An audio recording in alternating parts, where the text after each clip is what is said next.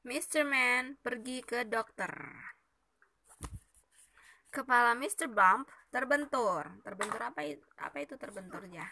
Terbuntul itu jatuh. Kejeduk. Benjol. Dan kakinya tuh diapain tuh? Resolusi ban. Dan diperban. Dipelban. Dan jempolnya juga di Perban. Nah, kayak mumi. Mr. Forgetful datang, tapi dia tidak ingat apa yang salah pada dirinya. Jadi dia pulang kembali ke rumah, di mana dia keinget lagi apa yang dia sakit. Dia kemudian balik lagi ke dokter, terus dia lupa lagi. Tang. Ini berlangsung cukup lama. Dia bolak-balik. Mr. Nosy menemui dokter karena sengatan Sengakan sengakan lebah. sengatan lebah. Sengatan lebah itu diapain? Disengat. Nah, disengat itu diapain? Hidungnya panjang. Jadi bengkak dia. Ya.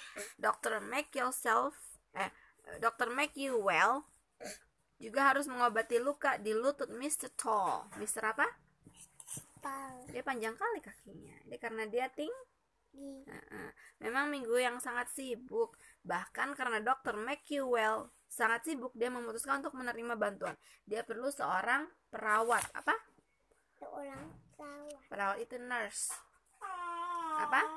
Sama dengan dia kan? Iya, kebetulan di hari itu ia bertemu dengan seorang yang tampaknya adalah orang yang tepat. Lit- Little Miss Helpful. Ini siapa? Little Little Miss Miss Helpful. Heaven. Akan tetapi, seperti yang kamu tahu, Little Miss Helpful sebenarnya tidak membantu seperti namanya. Dia ingin membantu. Dia coba mem- membantu, tapi entah kenapa selalu ada aja yang salah. Seperti yang akhirnya disadari oleh Dr. McQuell. Dia nyadar, oh nggak bener ini, nggak nggak membantu ini. Mr. Sneeze, siapa? Sesmis. Dia, dia tiba di ruang operasi sa- saat kena alergi serbuk bunga. Little Miss Helpful memberinya bunga dari taman untuk menghibur dia. Tentu saja berakibat sebaliknya. Kan dia alergi. Kalau dia cium bunga dia bersin-bersin. Terus dikasih bunga pula. Akhirnya dia bersin-bersin. Mr. Rush, siapa? Telos. Dia datang karena ruam kulit. Little Miss Helpful bingung dengan tabung-tabung obatnya sehingga tertukar-tukar. Akhirnya dia mengoleskan pasta gigi ke kulit yang ruam. Tidak membantu sama sekali kan? Iya. Little Miss Charbox datang karena batuk dan Little Miss Helpful memasang plester di mulutnya supaya nggak batuk di plester aja mulutnya. Nanti harusnya itu kalau ada yang sakit sakit lututnya tinggal diimplant. Mm-mm, dia malah mulutnya pula yang bersin bersin terus di isolasi ban batuk-batuk di isolasi ban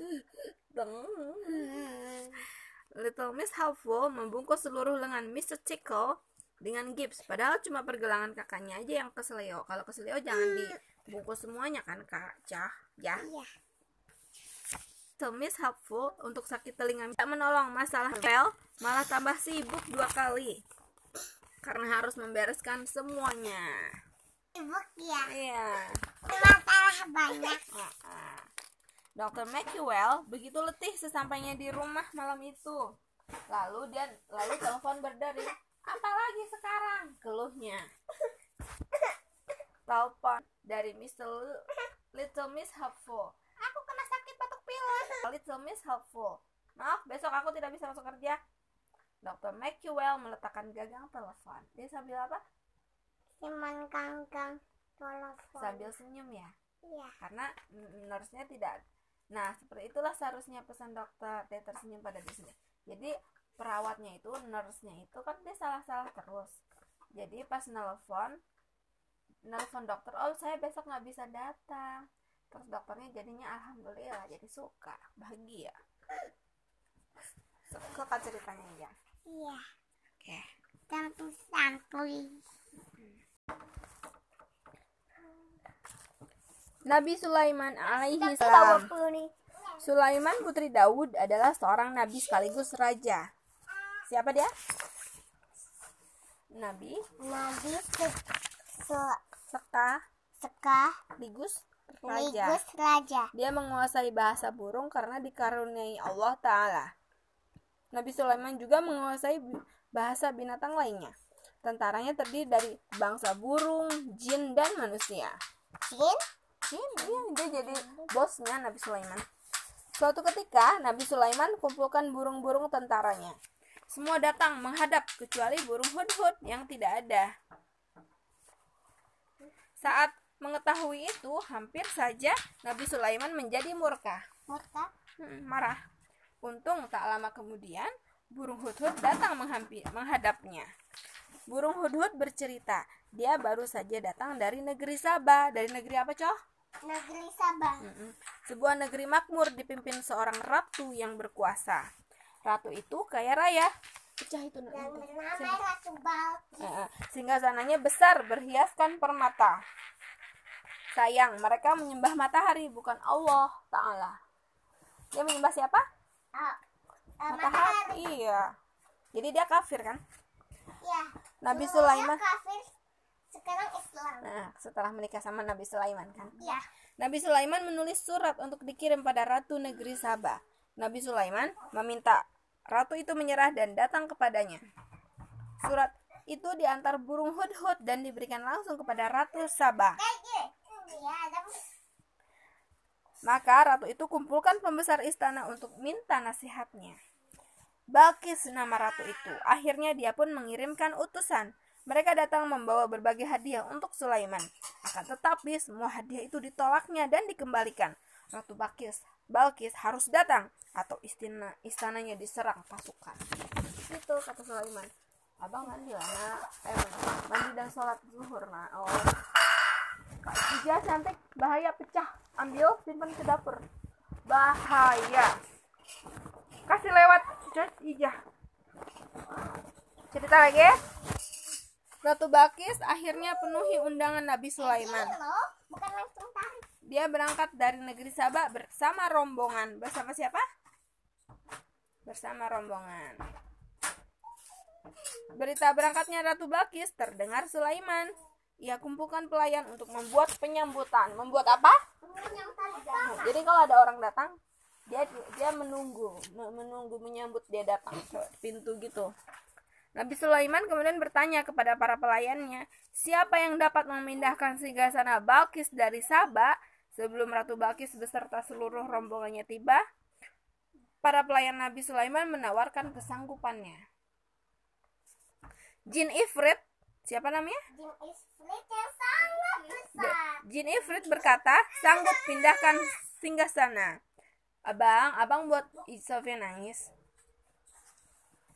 Sebelum Nabi Sulaiman bangkit dari duduknya, seorang berilmu sanggup memindahkannya sebelum Nabi Sulaiman mengedipkan mata.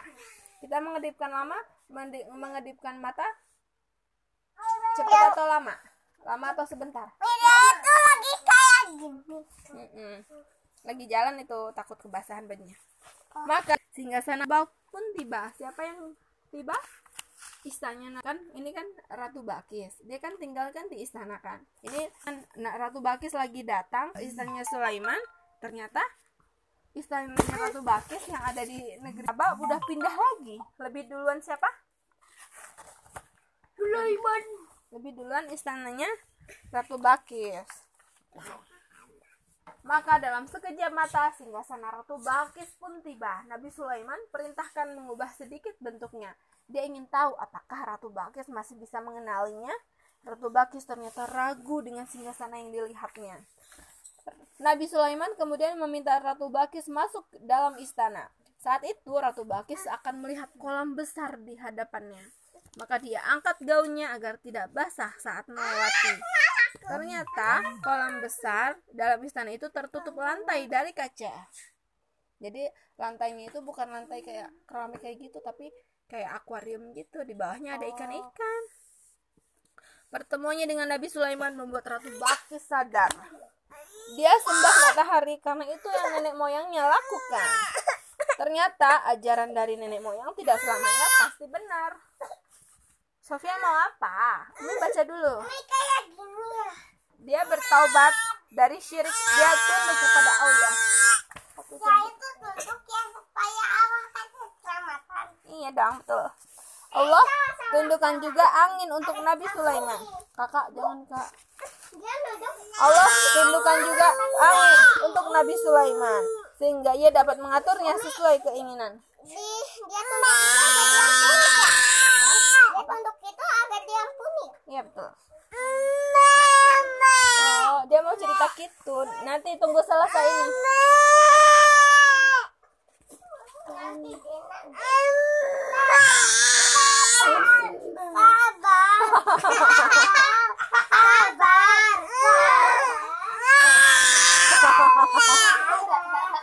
Udah, udah, udah. Allah memberi Nabi Sulaiman kerajaan yang luar biasa. Tidak ada kerajaan kerajaan semegah itu sebelum dan sesudahnya. Allah juga memberi Nabi Sulaiman kekuasaan tidak ada duanya. Punya bala tentara dari jin dan manusia. Udah. Kitty comes in from the garden. She was chasing butterfly. Yeah. Now Kitty wants to play indoors. There is your ball of wool. Balik. Kitty opens her toy cupboard. Co- some of the toys fall out. Kitty is thirsty from playing. She drink water. Kitty plays with her toy mouse. She leaps from the chair. Meow. Kitty chases the mouse. Faster, Kitty. Meow.